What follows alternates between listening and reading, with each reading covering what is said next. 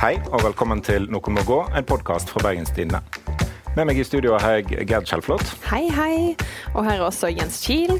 Hallo, hallo. Eller hei sann, Albert Sveisan. Eh, og jeg har også med meg deg, Morten Myksvold. Men eh, du har ikke bare med deg deg selv. Nei, jeg har med meg eh, flere. Noen har kommet til oss, som vi sier. Og det er statsminister Erna Solberg. Hei. Hyggelig å være her. Hei. Godt å være i Bergen, da? Veldig fint å være i Bergen. Og veldig fint å være i Bergen når varmen er slått på igjen. Jeg var her i sommer og da var det så kaldt. Ja. Eh, sommerferie, norgesferie. Du har jo sendt oss alle på en sånn evigvarende rundreise. Mm. Eh, det jeg egentlig lurer mest på, er har du, eller har du vurdert en tur på eh, P. Sandberg og Bahar Letnes sin par? Ja, vi hadde egentlig planen om det. Jeg og Sindre at vi skulle kjøre ned til Fredrikstad og si hei til dem. Men det eh, endte i at, vi, at jeg ble værende litt lenger på Vestlandet, for det ble litt bedre vær på helt på slutten av ferien min. Så vi tar det en annen gang. Men, jeg har et godt eh, forhold til Per, skal jeg si det, for han, eh, han er en hyggelig fyr. Ja. Og nå bruker han dagene på å hamre ned alle som ikke har budsjettdisiplin i Frp, så det er sikkert greit? ja, vi får se utover høsten. I dag så skal vi eh, snakke om samferdsel, framtida til regjeringen. Men eh, først litt om koronaen. Pandemien den kommer til å dominere alt framover. Eh, I hvert fall ut eh, denne stortingsperioden her. Og det er kanskje den saken som avgjør eh, ditt ettermæle. Så når det gikk opp for deg i, i, mars hvor store endringer du måtte gjøre i samfunnet på veldig kort tid, for å låne et spørsmål fra våre venner i sporten, hva følte du da? Ehm, da var jeg veldig dypt konsentrert om hva som var nødt til å gjøre. Eh, jeg tror ikke jeg drev med så mye føleri. Jeg tror ikke jeg følte så veldig mye etter. Jeg tror du kommer inn i et beslutningsmodus hvor du må gjøre beslutninger og du må tenke på hva som er riktig å gjøre. Og så går du litt inn i en sånn adrenalinbit på, på det du må, må bytte. Så det tok jo litt tid før du begynte å reflektere over hvor stort og hvor mye og hva, hva dette betød. Eh, når du først stenger ned så mye som vi gjorde. Eh, og selv om vi stengte ned mindre enn mange andre land har gjort, eh, det er selv mange av nabolandene våre, altså Danmark og Finland og sånn, stengte jo ned mer enn det vi gjorde. Så var jo responsen i det norske folk helt uh, utrolig. Uh, man uh, fulgte godt opp, og det gjorde at vi kom så bra ut av startgropen av dette. Ja, for vi lever jo i et land hvor selv den jevne dobbeltgarasje blir grundig utreda. Og plutselig så sitter du der, og i løpet av noen uker så ja, går det kanskje 10 milliarder hit og 100 milliarder dit, og noen hundre tusen blir permittert osv. Hvordan er den situasjonen å måtte ta så store beslutninger med så lite kunnskap? På noen saker så er det vanskelig, for det er saker hvor du ikke helt vet hva konsekvensen er. På andre saker så er det bare sånn ja, vi ga ut mye penger til næringslivet for å redde næringslivet, vi visste vi var nødt til å gjøre det. Akkurat hvordan hver enkelt ordning treffer, det må du ta etter hvert. Og så er det noe med hurtigheten i beslutninger blir i seg selv vesentlig. Fordi at Særlig hvis det gjelder smittevernet for å, for å stoppe spredningen av sykdom, eh, men også for å stoppe at bedrifter eh, rett og slett går konk. Det å gi beskjed f.eks. Til, til skattemyndighetene våre at eh, nå må dere gjøre, la være å gjøre det dere pleier å gjøre, nemlig å, når folk ikke har betalt skatten sin, så løper dere etter de og, og tar de til skifteretten ganske raskt. Det er ofte offentlige myndigheter som er de som igangsetter konkurser i Norge fordi at de er mer utålmodige. Og og, nå er det på en måte, nå er det ikke vår jobb å gjøre det. Altså Den typen ting. Det skjønner du at det er helt naturlig å gjøre, for det ville være helt feil hvis man bare hadde business as usual ett sted, og så pøste vi på andre steder. Men det er noen saker som selvfølgelig er vanskelig. Det, det er jo også en del av de tiltakene vi har gjort som blir litt sånn Altså fingeren i luften, vil dette virke eller ikke? Treffer dette helt? Fordi du har for lite grunnlag for, for å være helt sikker. Men det sa vi også veldig tydelig. Sant? Vi kommer til å gjøre feil. Vi gjør ting fordi vi tror det er riktig, men vi vet ikke alltid at det er riktig. Og, øh, men handling i seg selv er viktig og vesentlig. Og hvis du ber om alt mulig utredet, ja, så kan du gjøre vondt verre. Fordi at da har utviklingen gått så mye raskere. Mm. Men nå, da, altså alt skal jo evalueres eh, på sikt, og alt det her. Men du var jo inne på det, at det gikk jo bra i starten. Er det noe du allerede nå kan tenke sånn OK, det gjorde vi riktig, i hvert fall? Det vi gjorde riktig, var at vi fattet beslutninger på et tidlig tidspunkt, og vi tok, tok i. Men hva beslutninger? Eh, ja, nei, altså Det å stenge ned var riktig. Altså, Hvis vi hadde visst alt om, om, eh, om viruset på det som vi vet nå, så hadde vi kanskje ikke stengt ned på helt samme måten akkurat nå. Men i seg selv så var det vi gjorde, med på å få det norske folk til å gjøre det de gjorde. Mm. Som jo egentlig er det som er viktigst. Mm. Nemlig at alle innser alvoret gjør det. Sant? Vi hadde hatt en helg før vi gjorde dette, hvor det hadde vært avlysning av, Holme, av, av skifestivalen i Holmenkollen. Eh, ungdom hadde reist opp og festet som de alltid gjorde, og ikke ta nota av dette i det hele tatt. Altså, det var viktig å få en helt annen stemning inn. Og, og, og det, derfor så er det viktig av og til å ta i. Mm. Men eh, Ja, de hadde festa som om det var fadderuke nå. Men eh, er det noe dere eh, altså, som du allerede nå kan tenke at der bommer vi, da? Eh, altså det er jo ting som Som jeg sier, det, det, det, vi sier nå, er jo at vi ville jo ikke lukket de minste trinnene i barnehagen og skolen, for nå vet vi en annen måte å drive barnehager på med kohorter og sperrebånd i barnehagen og hvem som er innenfor hvilken gruppe og sånn. Altså alt det som vi nå har lært fordi vi vet mer om virus og sånn.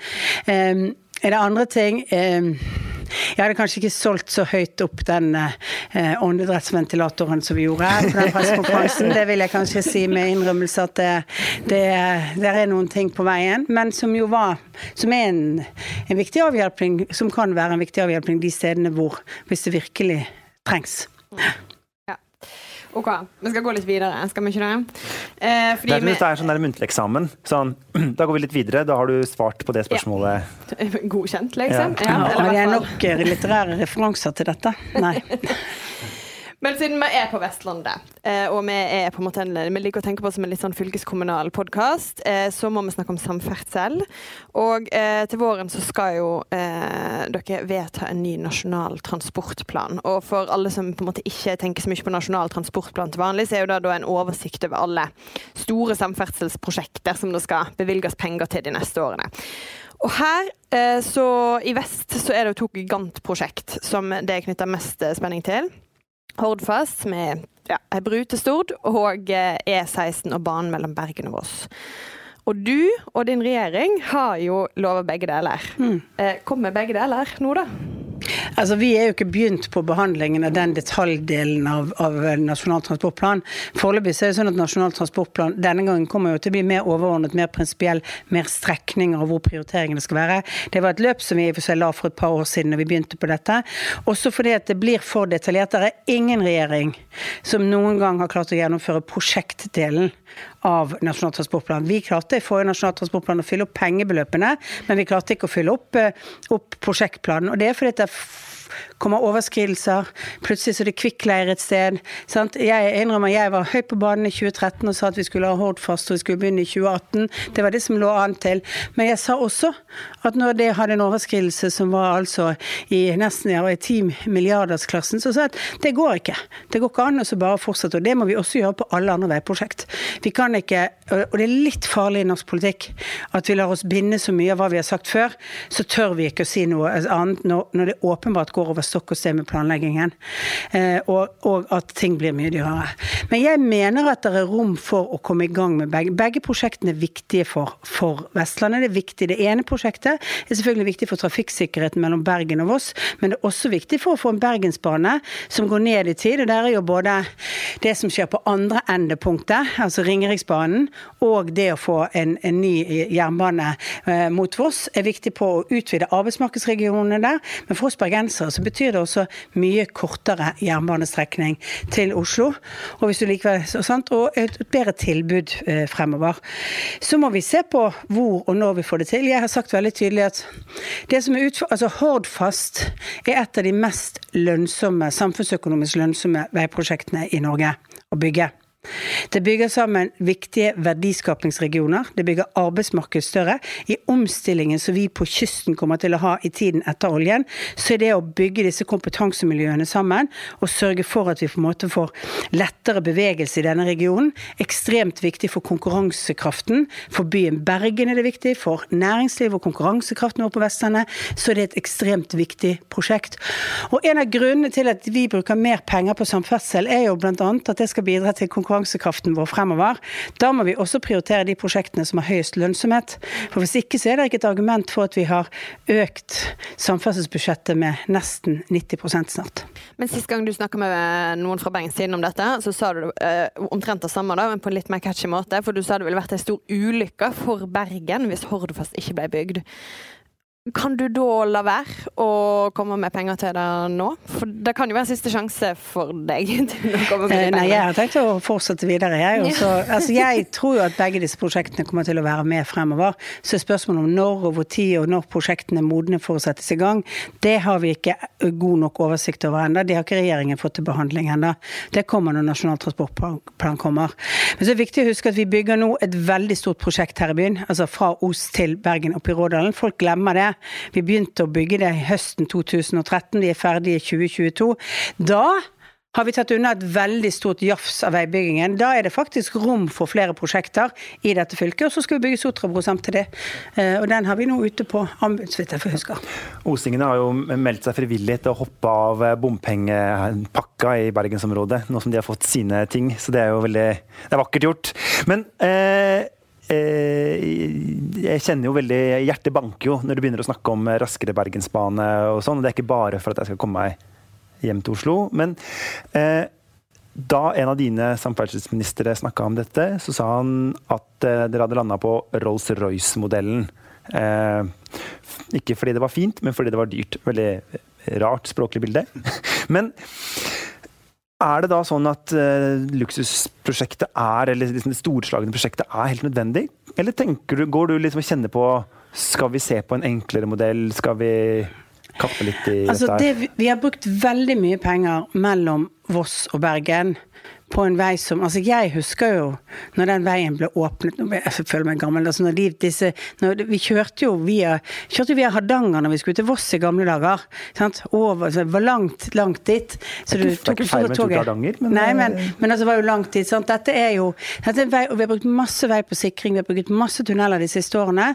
Og det det sa meg når vi holdt på med behandlingen i 2015, det var at vi lapper og lapper og lapper. Og i en tid hvor vi vet at vi får mer ekstremvær, vi vet at flere områder kommer til å bli mer rasutsatt, så vil det være nødvendig å bygge dette eh, med mer lengre tunneler og på en annen måte enn enn bare å lappe hvert enkelt strekk. For vi har brukt masse penger, også i denne perioden, på å lappe på rasutsatte strekninger langs dette. Og det er litt av problemet. Så vi kan godt, og jeg kan godt innrømme at når vi får sånne, sånne prosjekter som dette til behandling i regjeringen, så har vi alltid et eh, null prosjekt. Altså å ha det vi har i dag, ikke så mye, og så bare lappe på det. Det er alltid det mest lønnsomme prosjektet. Hvis du forutsetter på en måte at ikke du får Hvis ikke du får alle de rasene, hvis ikke du får alle de endrede tingene. Så jeg er nok opptatt av at det å bygge, eh, bygge både ny jernbane, men også ny vei som går enda mer i tunnel. Selv om jeg har talt, det er 48 tunneler fra Voss til Bergen, bare til orientering. Så er det eh, Vi litt færre tunneler, men litt lengre fremover. Det er kanskje også eh, det klokeste å gjøre på lang sikt. Og det vi må gjøre, er å bygge veier til en standard som Vi kan ikke bygge alle veier på Rolls-Royce-modellen til Kjetil Solvik-Olsen, men vi, bygge, vi må bygge de tingene som er de langsiktige, lange, nye strekkene. De må vi bygge sånn at vi vet at de holder i At vi ikke om 20 år sier nå må vi begynne å reparere igjen. Men når skal begynne å bygge de strekningene? Fordi at I, i 2017 så, så sa, en, jo, sa, vel du at, at Hordaland blir kanskje ikke fornøyd før en får hele NTP. Men vi blir jo litt mer fornøyd hvis vi får noe av den. Eh, fordi at de prosjektene en snakker om i, i 2017, eh, er de samme prosjektene vi snakker om nå. Eh, Fossebane er 16 og, og Hordfast. Og de er jo Må like ikke du langt glemme unna. Sotrabroen, da. Vi bygger altså Sotrabroen, eh, som er ekstremt eh, altså sånn, Vi har den ute på anbud, og vi har jo satt, fattet vedtakene. Stortinget har fattet de vedtakene. Så Men det er jo ikke sånn at det ikke skjer. De store prosjektene som vi snakker om nå, de er jo like langt unna nå som det de var da. I hvert fall av det en Det er vel like langt unna som sist Bergen hadde statsministeren. Nei, det er de ikke. Eh, De er, de er mye nærmere beslutning begge to. Altså På Hordfast i 2017 så hadde vi jo sagt time out. Da sa vi at dette må vi gå gjennom, det må nedskaleres. Det var jo den, eh, det vi var tydelige på. Vi kan ikke fortsette å bygge så dyrt som vi gjør.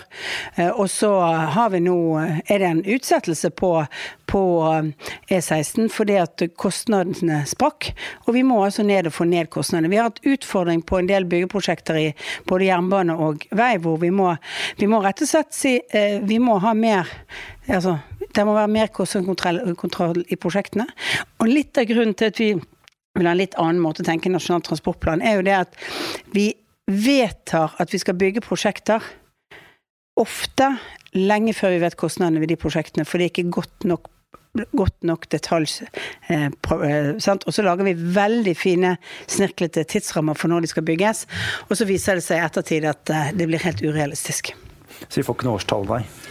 Eh, Det kan være at det kommer i Nasjonal transportplan, men jeg- som jeg sier, vi har jo ikke behandlet den delen enda i regjeringen. Så jeg kan jo ikke, jeg vet engang ikke hva den faglige anbefalingen som vi får på bordet i regjeringen, vil være for, innra, for tidsrammen.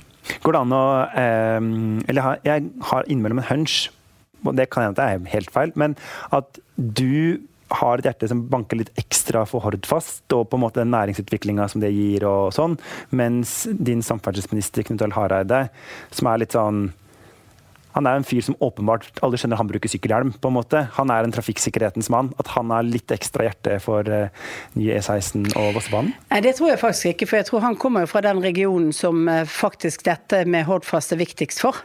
Altså Han kommer fra Bømlo. Han kommer fra den regionen som uh, jo ønsker å være knyttet opp mot Bergen. Så jeg tror ikke det, jeg tror ikke det er sånn stor forskjell på dette i den biten. Og du må aldri skue hund på årene. Han, han liker broer, han òg, vet du. Han er jo vestlending, tross alt. Ja, det er Alle som har vært avhengig av ferger, blir eh, veldig tilhenger av eh, fastlandsforbindelser. Ja, der er, du kjenner det i hjerteroten. Ja. Ja, altså eh, Apropos svære og dyre ting som fins i framtida, men ikke fins akkurat nå, så fins jo f.eks. et eh, statsbudsjett for eh, neste år. Og det blir jo et statsbudsjett som ikke egentlig har en flertallsregjering i bånn, eller en samarbeidsavtale eller sånt noe. Blir det blir det enda dyrere å bli enig denne gangen, nå som de ikke kan drive disiplin innad i regjeringa? Altså, Vi er jo i en økonomisk situasjon nå hvor eh, det er ikke sånn at å sette bremsene på, som vi gjorde med budsjettet i fjor, eh, satt bremsene på, hadde et budsjett med en minusimpuls, vil være det naturlige. Altså, det kan jo være fordi vi har brukt så mye penger i år, men, men det er klart vi har eh, eh, Vi er fortsatt i en situasjon hvor norsk økonomi trenger finansstimulans. Det som blir det viktigste, er hva vi bruker pengene på. For det at vi er ikke bare i den covid-19-situasjonen at vi skal øke aktiviteten i norsk økonomi, så vi må også øke den på de punktene som bidrar til at vi får mer vekstkraft i fremtiden. Og det er ikke sånne veldig lette ting som over natten. sant? Altså, du kan bygge litt vei og du kan bygge litt jernbane, og så har du litt sånt, men, men, men det er eh, men, men det er jo f.eks. forskning og utvikling. Det er en del sånne spørsmål hvor grønne skifter skal, eh, skal gjennomføres. Så må du også sette press på en del av de eh, teknologiutviklingsbitene sant, som, som er. Det, er. det er mange av de tingene. Og så er det selvfølgelig fortsatt veldig mye som kommer til å dreie seg om covid-19. Vi skal kjøpe vaksiner, f.eks. Det kommer ikke til å bli billig.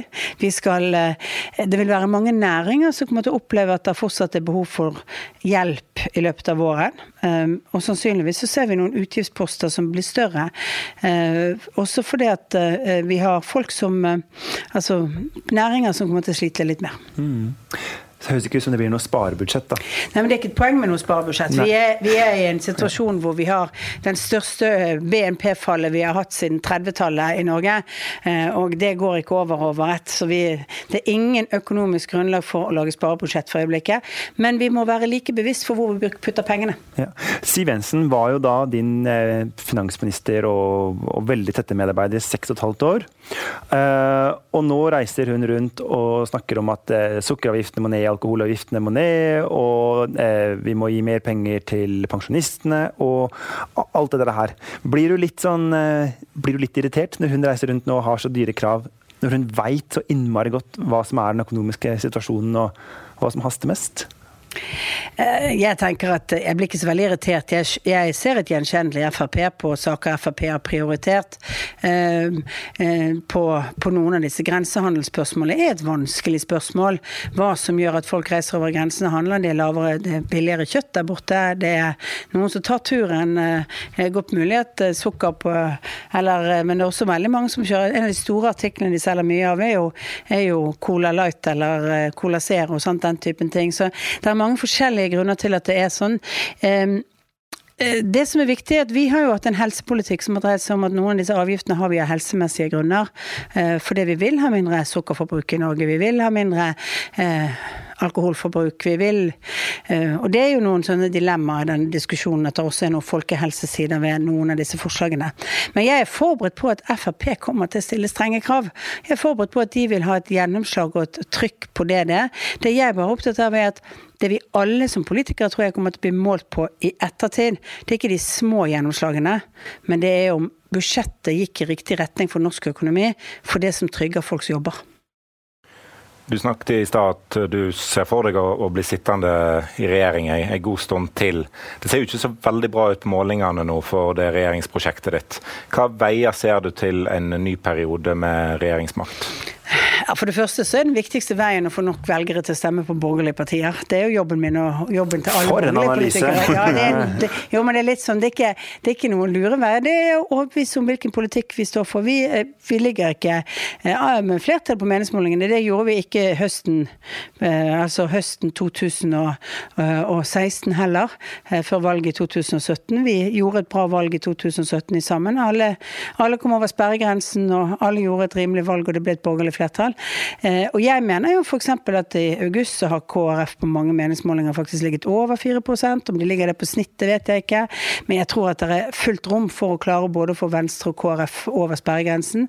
Venstre har en utfordring inntil de har fått seg en permanent partileder på å få fokus på politikk og på hva de gjør og hva de vil. For nå er det så mye fokus på på partiet. Men det vet også alle de tre partilederkandidatene veldig godt, at eh, det er en viktig jobb etterpå. Nå har vi skrudd av telefonene, så det kan ha blitt flere siden vi gikk inn i studio. Eh, heier du på noen? Nei, jeg gjør ikke det. Jeg tenker, jeg kjenner uh, nå faktisk alle de tre ganske godt, og jeg mener jeg kan samarbeide godt med, med de. Og så må Venstre gjøre sine valg for hvordan de mener de skal bygge sitt parti på en best mulig måte. Men Kommer du til å gå til valg på en ny flerpartiregjering med disse fire partiene? Jeg kommer til å gå til valg på et borgerlig samarbeid mellom fire partier som skal lede til en borgerlig regjering. Helst en firepartiregjering, får vi ikke til det, så bør det lede til en borgerlig regjering uansett. Og det er jo det vi har klart i denne perioden. og Eh, og vi har klart å holde ganske mye stabilitet i politikken, altså det regjeringen driver med av politiske prosjekter. For det er alle budsjettene våre gjort opp med disse fire partiene. Vi har funnet enighet rundt sakene. Men sammensetningen av regjeringen har jo ikke vært så veldig stabil. Det har jo vært partier som har kommet inn, um, og så er det et parti som har gått ut. Og, uh, Litt sånn den spanske flueaktig. Ja. Også sånn dører inn og ut. Er det realistisk å se for seg at disse fire partiene skal samarbeide etter at det har gått litt sånn halvveis denne perioden her? Jeg mener det er realistisk at disse fire partiene kan være enige om at vi skal føre borgerlig politikk i Norge, og at det skal resultere i en borgerlig regjering. Så mener jeg at jeg lukker ingen dører for noen. Eh, det har vært en veldig god oppskrift i disse årene jeg har vært statsminister. Derfor så lukket vi ikke noen dører når vi satt og forhandlet i Nydalen. Så var det to partier som valgte å ikke gå inn på det tidspunktet. Eh, vi var åpne for å utvide regjeringen. Venstre sa ja etter valget i 2017. Så kom Kristelig Folkeparti. Jeg tenker at det er, det er viktig å si at uh, alle disse partiene har nok opplevd at de har fått mer hånd på rattet, mer innflytelse i norsk politikk. Eh, selvfølgelig også mye ansvar. Det må du også ta med deg, at, og at det bør gi mer smak for fremtiden. Men er du for å åpne opp for flere parti? Eh, MDG altså, f.eks.? Altså, utgangspunktet mitt er å gå til valg på disse fire partiene. Det er der vi har et samarbeid, og det er det som er på en måte grunnlaget. Så, må, uh, uh, så, så, så, tenker jeg at det er også hovedtyngden av dette. MDG har et, et stemmevotum i Stortinget som har plassert de ganske langt på venstresiden i de fleste saker. Selv om vi også i noen saker har sett at de har vært ja, opptatt av å være mer pragmatisk, men i de aller fleste saker så har de plassert seg godt på venstresiden. Ok, Men eh, så sier du at du skal sitte som statsminister lenge til. Hvor lenge har du tenkt å være Høyre-leder? Eh, nå har jeg sagt ja til en periode til. Eh, det blir forhåpentligvis et landsmøte om tre uker. Så blir jeg forhåpentligvis valgt. Og så eh, Kanskje ikke det, det, det er kanskje ikke vårt landsmøte det er mest spenning om når det gjelder disse tingene. Men eh, jeg Så sier jeg at jeg må jo ta vurderingen etter hver enkelt sånn periode. Men jeg er jo innstilt på å sitte lenge. Jeg har på pågangsmot og annet. Men hvis du taper valget, da? Det får vi da ta når det er sånn. Jeg syns det er veldig viktig for en ting, og det er å være opptatt av den jobben du gjør her og nå, og så ikke ta så vidt så frem til fallbitene på alle andre saker. Noe av det eh, dummeste jeg vet, er de folkene som snakker om at de skal karriereplanlegge veldig for hva de skal gjøre etter at de har en eller annen ansvarsfull jobb. Problemet er at da er de allerede på vei til å slutte i den. Vi skal videre i programmet. I vår faste spalte Og Vestland reiser Jens rundt på Vestlandet på jakt etter hva som kjennetegner landsdelen vår. Hvor er det du har tenkt å ta oss i dag, Jens? Du, jeg tenkte vi skulle rett og slett opp i gata her, fordi eh, nå er det jo studiestart, og det har de av oss som bor i sentrum, har fått merke det. Eh, og så er det jo da sånn at for oss som ikke har studert i Bergen, så er jo studiebyen Bergen et veldig sånn mytisk sted. Det er Mykle og Knausgård og liksom alle de her gutta har reist hit og skrevet bindsterke verk. Eh, så Erna Solberg, er, eh, er Bergen en så ellevilt eh, merkelig studieby som man kan få inntrykk av utenfra? Du har jo rett og slett studert her en gang i tida? Ja, jeg har studert her, og så kommer jeg herfra. Det betyr jo at min måte å være søm på var jo at jeg litt annerledes enn de som flytter inn, fordi at du har et, et sett med venner du har fra før av, så du har liksom flere miljøer du går i. Eh, det er jo um, um, men, men, det er jo sånn, det som er spesielt i Bergen, er jo at, at universitetet ligger i sentrum av byen. Legger, studentene legger mye mer preg på, på Bergen og jo, Bergen sentrum og utelivet si. enn det f.eks. Universitetet i Oslo gjør, eh, fordi at det ligger vekke. Men det, har, men, men det syns jo jeg er bra. Eh, jeg syns jo det var fint når jeg var student, jeg syns det er fint også nå. Men så har jo jeg da eh, Jeg har bodd i sentrum, jeg også, men kanskje litt lenger vekke fra der. Jeg kjøpte en leilighet jeg hvor veldig mange av mine venner dukket opp, og andre kom etter hvert. Her har vi vært på før. For han som eide den før meg, var en jusstudent. Her er jeg på nachspiel før, kom de og sa alle sammen. Så jeg skjønte at det hadde vært en del aktivitet i den leiligheten før meg. Du selv, da? Fag eller fest? Eh, jeg drev jo med fag, fest og politikk. Ja. Eh, jeg drev jo med alle de tre tingene samtidig. Ja. ja. De hellige tre tingene. Og eh, forsøkte alltid å få fylkessekretæren til å lage et eget sånn budsjett for at vi skulle drive valgkampverving ute på puber. Og sånn, Jeg fikk aldri helt det til. Men eh, det er Uh, altså Jeg syns Bergen var en fin, fin studie, uh, studieby, men jeg skjønner at folk også kan oppleve uh, at det blir veldig mye hvis du vil bo midt i sentrum, og så kommer det mange studenter og sånt. Men i min tid så bodde det jo ikke så veldig mange vanlige familier i sentrum. Altså På 80-tallet gjorde det ikke det. Jeg bodde jo i Sandviken. Det var et rehabiliteringsområde. Det var jo leieregulert marked der oppe. Det var full byregulering. Så det, det var en del ungdommer og studenter, og så var det veldig mange gamle mennesker som hørte dårlig, og det var fint for dem. Mm. For det. Perfekte kombinasjon. Ja. For dere har jo flytta hit uten å komme herfra. Ja, for å eh, studere. Var det en sjokkartet opplevelse? Jeg vil egentlig ikke eh, beskrive det helt sånn. Jeg kjenner meg nok ikke helt igjen i den her mytiske eh, beskrivelsen. Men ja, er, den der er jo på en måte veldig prega av at det er menn som skriver om menn som kommer til byen og eh, drikker og tenker store tanker og ligge, hvis det er lov å si. Det er lov ja. å si. Ja. Eh, altså, Erna har oppfordra til det i nyttårstalen sin. Ja, det er sant. Så... Men bare hvis det blir produkt av det, vet ja, du. Det er ikke sånn. Nei da. Greit, ta ansvar. Ja. Men eh, altså Bergen, eh, det som er det spesielle er jo at det er mange utesteder som i byen, og det er et stort preg av, av, studenter og alt annet. Men du kan være student i Bergen og nesten ikke oppleve noe av det. Og så kan du gå deg ad tror jeg på at du er for mye på, på fest. Har du lest noen av de her eh, gutta sine bøker? Om det er Svevold Vatna, Hovland eller ja, Jeg leste uh, halve første Knausgård-boken, som jo var litt sånn fra bergensmiljøet og litt den andre. Og, og, og, så kjente jeg igjen noen personligheter som jeg kjenner. altså sånn, altså sånn fordi de, Men de er litt yngre enn meg, altså bare noen få år etter meg på universitetet. Eh, jeg vet ikke, jeg vet at det appellerer til mange, men for meg altså, det var lite referanse til, til, til min studietid, tenkte jeg. Um, litt Du gikk ikke på et sånt Reovin-studium? Altså, det gjorde jeg kanskje, men jeg drev med veldig mye annet også. Og ja, og så tenkte jeg kanskje mer praktiske tanker enn alle disse dype. Ja. Fordi Vi snakka litt om at det kanskje er også et sånn et kjønnsperspektiv her. at Hvis man leser ja. f.eks. Olaug Nilsen, hun har, hennes bok om å være student i Bergen handler om en dame som vasker gulv i idrettshaller. Litt mer eh, jordnært. Mm. Eh, kan det være noe sånt noe? Det kan, ja. Kanskje det er et kjønnsperspektiv på hvordan man ønsker å fremstille seg i sitt eget liv. Jeg vet ikke. Ja? ja altså. Føler du at du er mer jordnær enn jeg?